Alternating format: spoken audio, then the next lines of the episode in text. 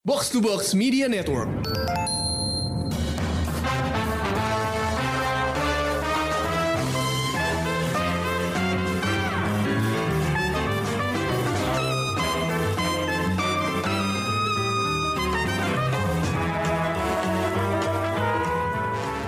Jumpa lagi di Showbox Podcast dengan gue Lisa. Dan gue Amy. Kita hari ini bakal ngebahas dua TV series yang lagi tayang di Mola TV. Ada TV series dari Kanada, judulnya Mary Kills People. Dan satu lagi dari Francis, uh, judulnya Baltazar. Uh, nanti kita bakal bahas langsung ke sesi spoilernya. Jadi kalau misalnya belum nonton, mungkin lo tonton dulu satu episode. biar lo tahu apakah lo mau lanjut atau enggak. Iya nggak sih? Bisa kayak gitu nggak, Amy? Iya, iya bisa banget. Harus. Kan? Sampel aja dulu satu Sampel. episode. Kalau ca- kecantol kan lumayan. Mm. Tapi dari premisnya nih, menurut gua eh, memang susah kalau dibahas kalau non spoiler gitu. Jadi kita mau langsung bahas spoilernya aja. Eh, sorry banget, tapi eh, menurut gua tetap bisa didengerin awal-awalnya sih. Kalau misalnya lo mau tahu tentang apa sih gitu ya. Jadi Mary Kills People tuh tentang eh, drama seorang dokter yang eh, melakukan praktik euthanasia. Jadi itu kayak eh, akhirnya yaudah deh kalau pasiennya udah terlalu menderita, akhirnya put them to sleep gitu ya. Asin ya udah mereka dibiarinin mati gitu, disuntik mati gitu. Ya itu pasti ada konsen dari keluarga dan segala macem gitu ya. Dan itu tuh eh, ceritanya dia ini, ceritanya tuh dia melakukan praktek gelap gitu. Jadi dia dibayar sepuluh ribu dolar untuk eh, praktik euthanasia ilegal buat orang-orang yang mungkin not necessarily dirawat di rumah sakit gitu. Jadi kayak mungkin yang udah di rumah dan udah terminally ill dan emang pengen atau pengen pengen pengen mati duluan aja gitu kan daripada bunuh diri sakit, mendingan yang disuntik mati dengan cepat gitu. Eh, dan itu kayak ceritanya tentang itu eh, dan itu lebih ke perdebat- perdebatan moral sebenarnya. Eh, ini tuh, tuh praktek yang benar atau enggak. Sama yang lain lagi adalah Baltazar sih. Ini kayak Sherlock Holmes-nya Prancis. Sherlock Holmes-nya Prancis, cuman dia bukan detektif. Dia emang eh, orang yang kerja di kepolisian. Gimana Amy kalau secara premisnya? Kalau Baltazar itu adalah eh, cerita tentang medical examiner yang partneran sama polisi untuk nyelesain kasus-kasus. Ini kasus-kasusnya kadang unrelated ya, tapi terus ada big umbrella case yang eh, berjalan sepanjang eh, satu musim gitu. Nah ini Baltazar ini eh, medical examiner yang kalau menurut gue unik banget karena dia nggak kelihatan kayak medical examiner jujur aja. Kayak Emang gimana tuh? Bond Gimana tuh? gayanya kayak James Bond nih. Soalnya orangnya agak-agak eh, ini kan, agak-agak playboy gitu. Tapi sebenarnya dia menyimpan trauma karena istrinya udah eh, istrinya udah meninggal dan meninggalnya dibunuh dengan cara yang brutal. Hmm. Dan dia tuh menyim, apa menyembunyikan trauma itu di balik senyum, di balik ya sikap-sikap charming orang Prancis gimana sih gitu loh. Nah, terus udah gitu dia partneran dengan si eh, polisi eh, yang namanya Captain Bach, perempuan, cantik, udah married, tapi eh, pernikahannya troubled. Nah, jadi ada semacam push and pull attraction towards the eh, towards each other. Dan itu bikin bumbu yang lumayan menarik nih untuk serial crime ini gitu. Mm-mm.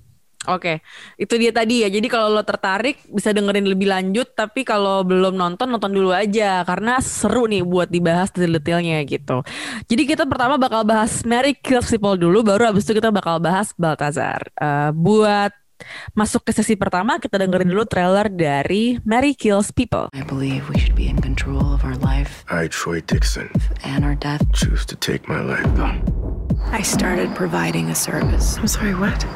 I kill people. So the cops are investigating you and your partner for murder. Assisted suicide. Dr. Harris helped your son die. We will prove it. We're supposed to be ending suffering, not creating it. You don't get to play God, Mary.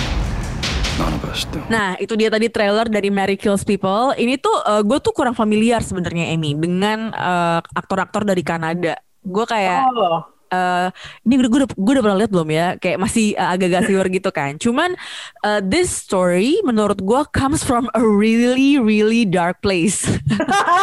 kenapa tulis?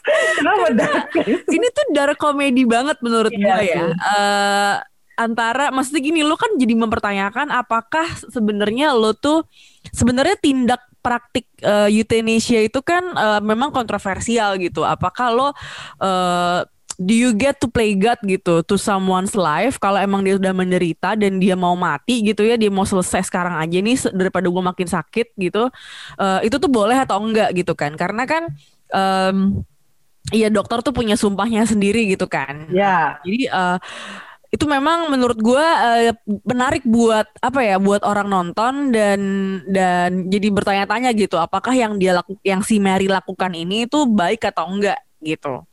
Jadi kan itu dark banget kan ketika lo dipaksa buat me- apa ya buat menimang-nimang gitu apakah orang tuh patut mati atau terus hidup atau gimana gitu. Padahal yang mau mati ya mereka juga gitu. Jadi kalau di serial Miracle People ini dia tuh eh, ketika ada klien ya jadi si Mary ini eh, punya eh, praktik eh, gelap lah Mm. yaitu menerima eh, permintaan orang-orang yang mau suntik eh, mati gitu. Jadi sebenarnya nggak suntik sih ya, ada yang di ditaruh di minuman gitu kan. Lo matinya ya udah setelah minum champagne atau eh, whatever your favorite beverage gitu kan. Nah, eh, cuman eh, memang eh, ceritanya adalah dia itu lagi dicurigain sebenarnya sama eh, dua pasangan polisi gitu Ya. yang salah satu di antaranya akhirnya nyamar jadi eh, orang yang mau jadi kliennya si Mary ini. Gitu. Jadi em, itu tuh di situ tuh serunya adalah ketika apakah kita bak apakah si detektif detektif ini polisi polisi ini bakal bisa mengungkap praktik gelap dan dapat buktinya ya sebenarnya eh, untuk menahan Mary gitu atau apa nih endingnya gitu. Jadi bukan sebenarnya bukan apakah ini praktik yang benar atau enggak gitu ya. Itu di- diterjemahkan da- dalam karakter si dua polisi ini sebenarnya. Ya. gitu apakah si eh, Mary ini patut ditangkap atau enggak sih sebenarnya. Jadi kayak tapi karena dia tahu karakter utama ya jadi orang-orang tentu saja akan kayak "Oh, ya udah sih toh dia melakukan prakteknya setiap kliennya itu konsen gitu. Mereka eh, tanda, eh, tanda tangan surat statement udah gitu mereka juga bikin video yang menyatakan Nah. gue memutuskan gue akan mengakhiri hidup gue dan ya udah dia bener-bener buktinya tuh jelas kalau itu bukan pembunuhan gitu cuman kalau polisi ngelihatnya itu pembunuhan Nah, Kayak itu gitu kalau gue nonton sampai episode 2 di season 1, Hmm. itu aja gue udah mulai mempertanyakan eh, moralitasnya gitu ya. Tapi Hmm. kalau misalnya di episode 2 itu terlihat se- eh, seorang pasien ibu-ibu punya Hmm. anak umur 15 tahun, si ibu-ibu ini tuh udah kesakitan banget Iya. dari penyakit ALS. Mm-mm. Dan di situ tuh kalau menurut gua baik anak maupun ibu tuh udah let go, udah saking ibunya tuh udah kesakitan banget dia bahkan sampai nanya berapa banyak morfin yang diperlukan Hmm. untuk eh, bikin dia nggak sakit lagi. Terus eh, susternya bilang ya gua nggak bisa ngasih tahu kalian jawaban itu gitu. Mungkin karena ilegal or something gitu. Akhirnya si suster ini refer ke Mary. Hmm. Nah, suster itu bilang jangan main-main sama yang ini ya. Mereka tuh udah menderita banget. Nah, Hmm. kalau kalau kita ngeliat pasien ini itu kan dia udah udah kesakitan banget gitu loh. Iya. Dan gue kayak kalau misalnya dia dibiarin hidup, menurut gue itu justru lebih nggak humane gitu. Iya. Itu sepemahaman gue ya Iya. dari kacamata gue tuh seperti itu. Jadi makanya pada saat dia melakukan eutanasianya, gue Hmm. gue merasa agak lega gitu.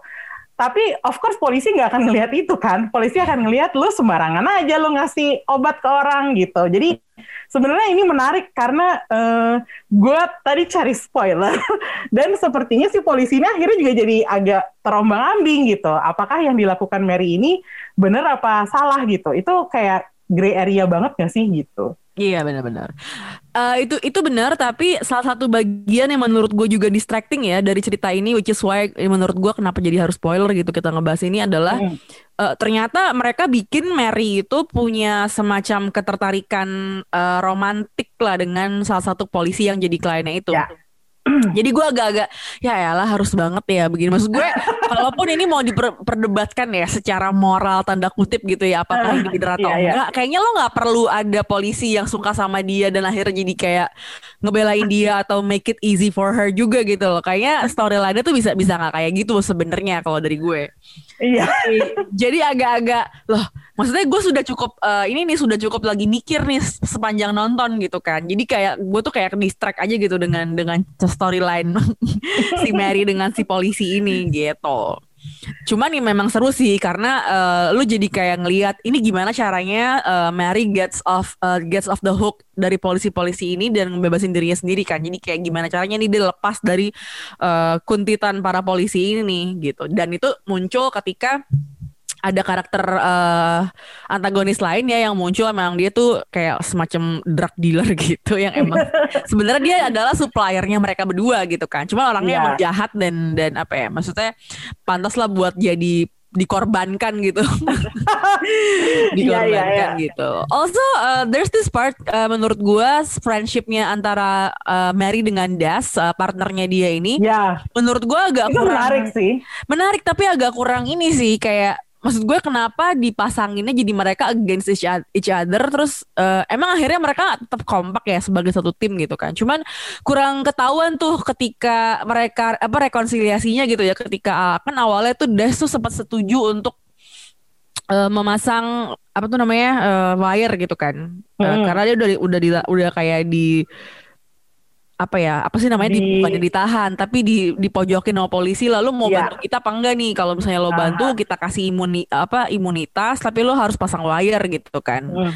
Kayak gitu dan itu tuh rekonsiliasinya menurut gua agak kurang jelas ketika walaupun dia akhirnya ngaku kan ketika lagi mau praktek terus dia ngaku dia pakai wire di prakteknya dibatalin gitu dan si Mary-nya ya cabut marah lah dia gitu kan Eh, cuman itu agak kurang jelas tuh dan gue berharapnya sebenarnya dinamikanya lebih kelihatan di situ sih Ya, mendingan se- harusnya serial ini lebih menitikkan ke uh, Mary dan Des daripada Mary dan si polisi sih kalau menurut gue. Exactly gitu kan. Maksudnya mereka partner dan eh, dengan kehidupan cintanya masing-masing ya. Ada Mary yang sebenarnya dia kan divorce terus eh, punya anak perempuan dua gitu yang dan Hmm. suaminya tuh kayak semacam loser gitu kan. Eh, terus ada lagi si Des juga punya cewek gitu di rum yang tinggal bareng dan maksudnya udah bagus sebenarnya tanpa harus ada ke- tanpa harus ada romance apa-apa gitu. Cuman tentu saja mungkin biar lebih dramatis atau gimana dipasangin deh. Eh, but either way tetap menurut gue tetap menarik sih dan eh, cuma 6 episode satu season itu mena- eh, cepet lah ya kalau lo tonton di Mola gitu. Nggak nggak lama dan buat menarik buat diikutin karena kayak lo jadi pengen tahu gimana caranya dia eh, lepas dari tuduhan-tuduhan itu dan apa ya semacam ada justifikasi sih ke praktek yang dia lakukan gitu. Karena akan ada backstory dari masa lalu gitu kan. Dan dan ada monolog-monolog yang menurut gua sangat menyentuh gitu dan ada bagian nih sebenarnya sebuah pemakaman di mana Mary itu jadi pemakamannya tipe yang kayak harus dibakar dan dilepas ke laut gitu. Viking eh, funeral. jenazahnya Iya, tipe funeralnya tuh yang jenazahnya ditaruh di perahu, terus di, dibu- dila- le- dilempar, le- maksudnya bukan dilempar, di, di apa sih, Dilepaskan. diselayarkan ya. Iya. Diselayarkan ke laut gitu, terus dibakar lah gitu, dan orang-orang merayakan yang itu gitu kan. And then there's this scene where Mary tuh ngeliatin perahu itu yang udah kebakar, terus dia bilang I love funeral. There's nothing like staring at that on the face gitu. Jadi kayak menurut gue di situ kelihatan banget betapa dia memang eh, menganggap profesi bukan bu- menganggap praktik euthanasia itu sebagai sesuatu yang membantu banyak orang gitu, bukan apa ya? Kayak kematian tuh bukan sesuatu yang harus dihindari gitu loh.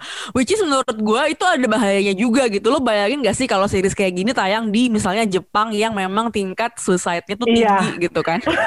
Gue gak ya, kebayang.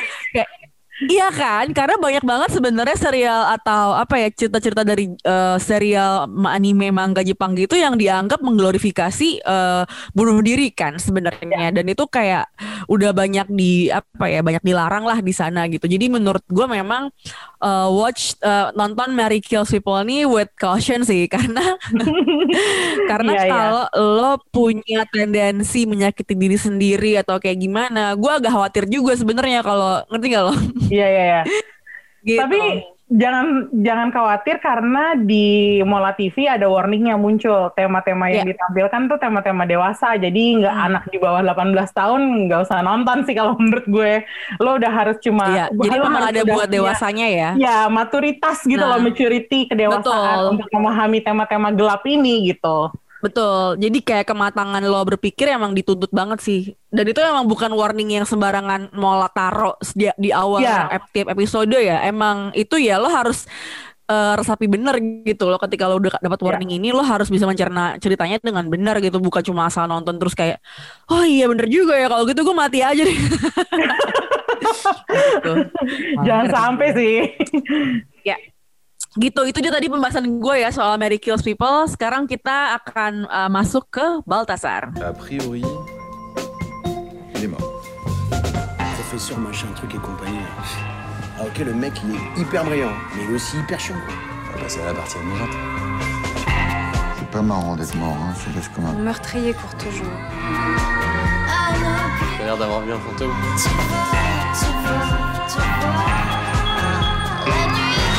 Pourquoi vous m'avez sauvé Parce que c'est mon mec. Nah itu dia tadi trailer dari Baltasar. Nah itu itu gimana tuh Emi ngomongnya kalau pakai bahasa Prancis coba-coba tolong. Kalau gue sih nyebutnya Baltazar aja. Kebetulan pronunciation-nya sama sama bahasa Inggris sama bahasa Indonesia. kalau gue kan lidahnya kurang canggih nih kalau ngomongin prencong-prencong nih. Eh, gimana menurut lo si Baltazar ini? Kalau menurut gue Baltazar nih menarik banget ya. Gue tadinya emang udah pernah dengar soal serial ini, cuman eh, nggak tahu mau nonton di mana, nggak taunya ada Mola TV gitu. Terus udah gitu gue nonton, gue mulai nonton, eh, gue skip tuh trailernya, gue langsung masuk episode 1 dan langsung eh, apa namanya eh, menemukan sebuah kasus pembunuhan yang eh, menarik gitu. Eh, jadi eh, mereka itu em, apa ya em, bikinnya prosedural bentuknya tapi kalau menurut gue ini yang beda antara serial Prancis sama serial Amerika ya. Karakter-karakter di sebuah serial Prancis tuh nggak tahu kenapa lebih intimate gitu. Dalam arti kita tuh ngeliat ke behind the surface gitu. Jadi yang seperti gue bilang tadi si Baltazar diperankan oleh Thomas Sisley eh, itu adalah seorang medical examiner yang eh, dia istrinya meninggal karena dibunuh sama seseorang.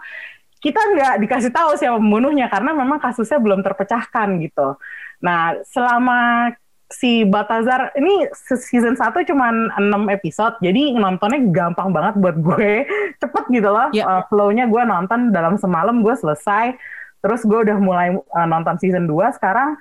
Uh, dan ini tuh uh, setiap kali kita apa namanya um, mengakhiri ser- serial Baltazar ini, kita melihat progres dia menyelidiki kasus kematian si istrinya ini. Dan jujur aja, eh, salah satu hal yang bikin menarik itu adalah karena si kasus ini, kasus besar yang ada di pikirannya Baltazar, eh, yang eh, terus menghantui dia. Terutama karena dia itu selalu mengimajinasikan, menghayalkan bahwa orang-orang mati di sekitar dia, itu tuh bisa ngomong sama dia. Jadi Ya. Setiap kali dia conduct autopsi, Halu, Bo, halu. iya halo gitu. Tapi eh, apa setiap kali dia conduct otopsi dia ngobrol sama victim-victim yang lagi dia otopsi gitu.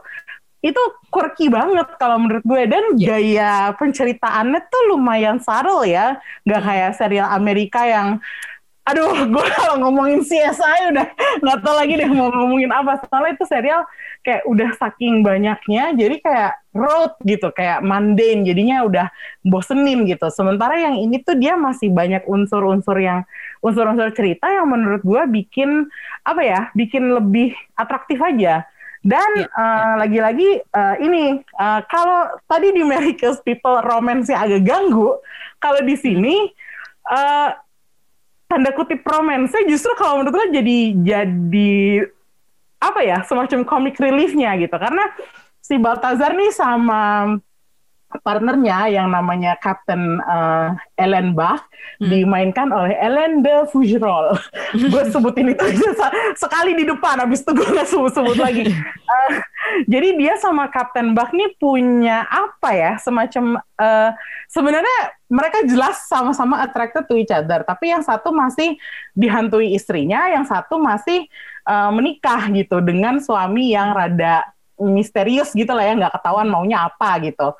Jadi pada saat mereka flirting, lu tuh kayak cuma bisa rolling your eyes dan cekikikan sendiri aja karena mereka se- sebenarnya kayak mereka flirting tapi ada jarak atau tembok di antara mereka yang mereka nggak mau uh, runtuhin gitu. Jadi they know their place gitu. Cuman ya lucu aja gitu ngeliatin mereka saling you know saling uh, banter terus deh gitu uh, yang Baltazar tuh suka kan dia suka bercanda gitu. Sementara si kaptennya ini tuh ngerasa lu tuh kebanyakan bercanda, udah deh langsung aja lo mm -hmm. kasih tahu uh, apa uh, fakta-faktanya gitu. Dan nggak tau ya, gue merasa kayak si Thomas Sisley ini orangnya agak-agak James Bond material gitu. Mm. Badannya tegap, keker, terus suka shirtless gitu. Jadi gue gue merasa ini ini sih ini sih medical examiner uh, gaya James Bond gitu. Masalahnya gue baru nonton drama Korea yang judulnya Partners for Justice di Netflix. Hmm. Di situ juga ada karakter medical examiner yang sama persis kayak Baltazar. Uh, pacarnya mati, dia trauma, akhirnya jadi uh, unik gitu kepribadiannya. Tapi kalau yang uh, dokter itu di serial Korea itu, dia tuh grumpy banget jadinya jadi malah antisosial sementara si batasannya malah jadi playboy hmm. yang suka tebar pesona dan itu tuh kalau menurut gue lumayan apa ya lumayan unik gitu uh, untuk sebuah serial makanya kalau kalau gue sih sangat rekomendasikan ini meskipun lo harus baca subtitle bahasanya mungkin nggak lo kenal cuman kalau menurut gue ini sangat highly recommended sih Hmm. Kan kita udah dapat series sejenis ya kalau di Amerika dan di Inggris mungkin ada Castle, ada hmm. Bones gitu ya. Ya. Apalagi sih uh, Mentalis ya. Gue nggak nggak ya, mentalis ya. Mentalis. ya, ya. Cuman uh, udah ada sebenarnya kan. Tapi yang bikin maksudnya uh, yang bikin ini menurut lo uh, lebih itu apa? Ya, ya karena uh, apa ya? Itu itu tadi. Jadi um, Baltazar sama Captain Bach itu kalau menurut gue uh, they itu they know their place tapi mereka chemistry-nya ada banget dan ini kalau di serial Prancis uh, dan uh, gue mengingat satu lagi serial dari di Netflix Unit 42 yang di mana karakter polisi dan partnernya itu uh, apa uh, cewek cowok dan mereka nggak involve sama romance ini menarik banget karena hmm. lu jarang banget nggak kalau Bones itu kan jelas-jelas they obvious they end up getting married and they end up having kids gitu. Kayak itu fantasi banget yeah. gitu loh. Maksudnya gue seneng sama serial-serial Prancis atau berbahasa Prancis itu adalah karena mereka bisa maintain uh, seorang lelaki dan seorang perempuan yang friendship aja nggak pakai romance tapi tetap menarik gitu. Kenapa serial-serial Amerika hmm. itu kadang suka agak-agak uh, terlalu drama buat gue uh, itu adalah karena romance tuh kayak di push banget gitu loh. Sementara di sini ada balance-nya dan bahkan bisa dibilang aspek investigasinya lebih gede di sini daripada romance-nya gitu. Hmm, Oke, okay, jadi memang fokus ke investigasi. Sebenarnya ya makanya tadi gue bilang kan ada kayak Sherlock, cuma kalau Sherlock itu detektif uh, apa ya, detektif aur-auran gitu. kalau ini tuh dia lebih uh, lebih inilah lebih friendly gitu kan, ya. lebih ketawa-ketawa gitu dan lebih approachable gitu kan. Jadi lo ya. nggak nggak ngerasa terintimidasi atau apa gitu. Cuman emang ketahuan banget kalau uh, dibutuhin nih skill dia di dalam kasus-kasusnya ya. gitu kan. Dan yang menarik adalah si aktor utamanya itu ternyata dia uh, jadi hampir semua stunt yang lo lihat di serial ini itu dia kerjain sendiri gitu. Jadi ada adegan dia para syuting, ada adegan dia nyetir kebut-kebutan, itu semua dia. Jadi wow. si Tomar Sisley-nya itu yang yang yeah. ngerjain bukan stuntman gitu. Jadi yeah. dan di sini cuma lumayan seru ya, maksudnya uh, dia dapat yeah. adegan Jadi, action lumayan banyak. Gue nanya gitu. dulu, kalau di Miracles People kan kita jadi ngikutin kisah apakah Mary bakal dipenjara atau enggak karena dia lagi ya. diikutin polisi gitu kan. Kalau di sini kan dia lebih kayak ini si Baltazar bakal nemu nggak sih pembunuh uh, istrinya ya nggak? Iya. ya kan karena iya, memang ya, ya, dia ya. itu dihantui bahkan menurut gua dia segitu setianya mau profesinya karena dia ngerasa uh, salah satu korban kan orang yang jadi ya. korban gitu. Uh, betapa pembunuh tuh uh, mencu mengambil banyak banget dari hidup orang-orang yang di sekitarnya mm -hmm. dari dari korban yang dia bunuh gitu. Yeah. Uh, dan kita jadi ngikutin uh, kisah ininya kan, apakah dia bakal belajar apa sih dia tuh bakal tahu atau enggak identitas pembunuhnya gitu. Itu menurut lo gimana tuh uh, terkait aspek yang satu itu? Kalau itu lo harus sabar ya nunggunya karena uh, gue mendeteksi uh, itu bakal panjang. Itu tema yang bakal running di uh, tiga season gue rasa. Hmm. Dan uh, apa lu baca sinopsisnya di Mola TV aja, lu akan hmm. tahu nggak akan ada clue baru sampai uh, episode terakhir-terakhir di season 2. Jadi itu it's like it's a slow burn. Jadi lo dapat the rush, the thrill of investigation, uh, investigative aspect dari kasus-kasus yang ditanganin di per episodenya. Tapi hmm. kalau lo yang demen sama slow burn, lo yang ngikutin adalah kasus istrinya si Baltazar. Dan hmm. terus gue akuin ini strategi yang bagus sih untuk sebuah serial uh, untuk memasang kayak gini karena dia kan pendek-pendek ya. Hmm. Pendek-pendek tuh harus kayak ya lu nonton cepet-cepet juga terus abis tapi kalau nonton kepanjangan juga lu males gitu kan yeah. nah makanya jadi uh, dengan begini dengan uh, adanya si kasus yang um, me, apa yang mematikan si istrinya Baltazar terus dia investigasi ini itu hmm. uh, bikin jadi seru gitu apalagi dalam dalam uh, dua season awal ini si Baltazar dan Kapten Bah sama-sama menyelidiki kasus yang sama, tapi mereka saling nggak komunikasi soal kasus itu. Jadi mereka belum ngomong nih, mereka belum belum tahu bahwa yang satu lagi si Kapten Bach itu nggak tahu kalau si Baltazar tuh lagi nginvestigasi si pembunuh ini gitu. Jadi ya itu slow burn, jadi ya lo harus iya. sabar yeah. nontonnya. Oke, okay.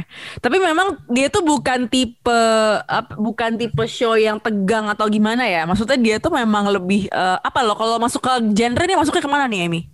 Nah itu gue juga nggak tahu ya Lis Karena drama iya Komedi iya I would say drama comedy Drama yeah. komedi Oke okay. Maksud gue dia bukan kayak thriller Yang kayak misalnya apa ya uh, kayak The Killing gitu kan atau ya. kayak Hannibal gitu yang yang sangat ya. moody, sangat dark, sangat no. kalau pelan. Kan tadi lo bilang soalnya slow burn gitu kan. Iya. Cuman ini tuh kayak lebih light ya, emang lebih uh, prosedural Emang, kali ya. Prosedural dan ini memang kayaknya uh, itu yang yang gua kagumin dari serial ini. It does treat the murders more like uh, apa ya? Mereka serius nanganin kasus-kasusnya, tapi hmm sikapnya orang-orang detektif-detektif di serial ini tuh jadinya kayak nggak berlebihan gitu loh, nggak yang uh, ada kematian terus udah gitu mereka pada wah nggak tidur berhari-hari gitu, nggak gitu gitu. Jadi si Baltazar tuh masih ditunjukin dia masih masak di rumahnya, dia masih makan siang, dia nawarin makanan ke orang-orang yang selalu ditolak karena mungkin gayanya terlalu over aja, terlalu ekstra hmm. gitu. Tapi uh, there's a lightness to this character. Makanya gue uh, gue melihat ini karakter yang playboy ini yang suka tebar pesona ini kenapa ya dibikin kayak gini? Oh mungkin karena dia untuk menyeimbangkan darkness dari kasus-kasusnya di apa dibalancein oleh si Baltazar yang uh, light-hearted ini gitu. Jadi yeah. it's all balance. Kalau menurut gue serial ini lu sangat balance sih kalau menurut gue. Makanya enak ditonton. Iya. Oke, okay. ada yang lo nggak suka nggak dari Baltazar? Hmm, apa ya? Uh, kurang twist kalau menurut okay. gue. Jadi twistnya agak terlalu terlalu halus gitu. Kayak ada salah satu kasus ter, uh, apa diduga yang membunuh ini, tapi ternyata yang bunuh itu udah gitu doang. Jadi nggak ada yang terlalu ini ya, nggak terlalu terlalu eksplosif gitu. Hmm, Dan satu okay. lagi kalau baca gitu atau gimana menurut lo? bukan ketebak tapi revealnya tuh kurang seru gitu loh. Oh, kan okay, kalau okay. Sherlock tuh kan, kan kayak ini, kan ini kan ini Prancis bo jadi kayak laser frame santuy gitu kan. Iya santuy bener bener bener. Dan satu lagi ya kalau lo nonton serial ini usahakan jangan baca sinopsis di kanannya. Itu agak gue ke spoiler bo. Oh iya tuh itu suka spoiler tuh bener bener bener. Uh, jadi jangan dibaca deh kalau langsung hit play aja. Habis itu lo fokus ke ininya fokus ke serialnya jangan baca yang sampingnya gitu. Karena itu agak-agak ya lumayan lumayan bisa mengspoil ini sih plotnya sih kalau menurut gue. Ya ya ya ya. Oke oke itu dia tadi ya bahasan kita soal Mary Kills People dan Baltazar dua-duanya bisa ditonton di um, Mola TV gitu. Dan banyak lagi nih sebenarnya minggu depan kita bakal ngebahas yang lain lagi nih Amy ya nggak sih? Yo, mau dikasih tahu aja nih judulnya. Kasih tahu, kasih tahu, biar nggak ini, biar nggak nunggu-nunggu. Kasih tahu nih, bener nih. LA's Finest. Iya, yeah, bener, LA's Finest jadi tuh detektif yang jadi tuh lucu. Jadi ada ada kasus penculikan. Uh, terus uh, ceritanya detektif-detektif LA ini lagi uh, ditugasin lah buat kasus itu. Cuman sesuatu terjadi dan itu agak lucu sih menurut gue. Kasusnya. Eh, jadi gue berharap itu juga bakal bersenang-senang nonton yang satu itu. Ya, betul. Ini Oke. lebih body cop sih ya soalnya. Body cup, tapi cewek masalahnya. Iya, jadi, cewek, cewek, cewek. jadi beda nih warnanya dari body cup body cup sebelumnya. gitu. Oke, thank you banget udah dengerin Showbox. Sampai jumpa lagi minggu depan. Bye.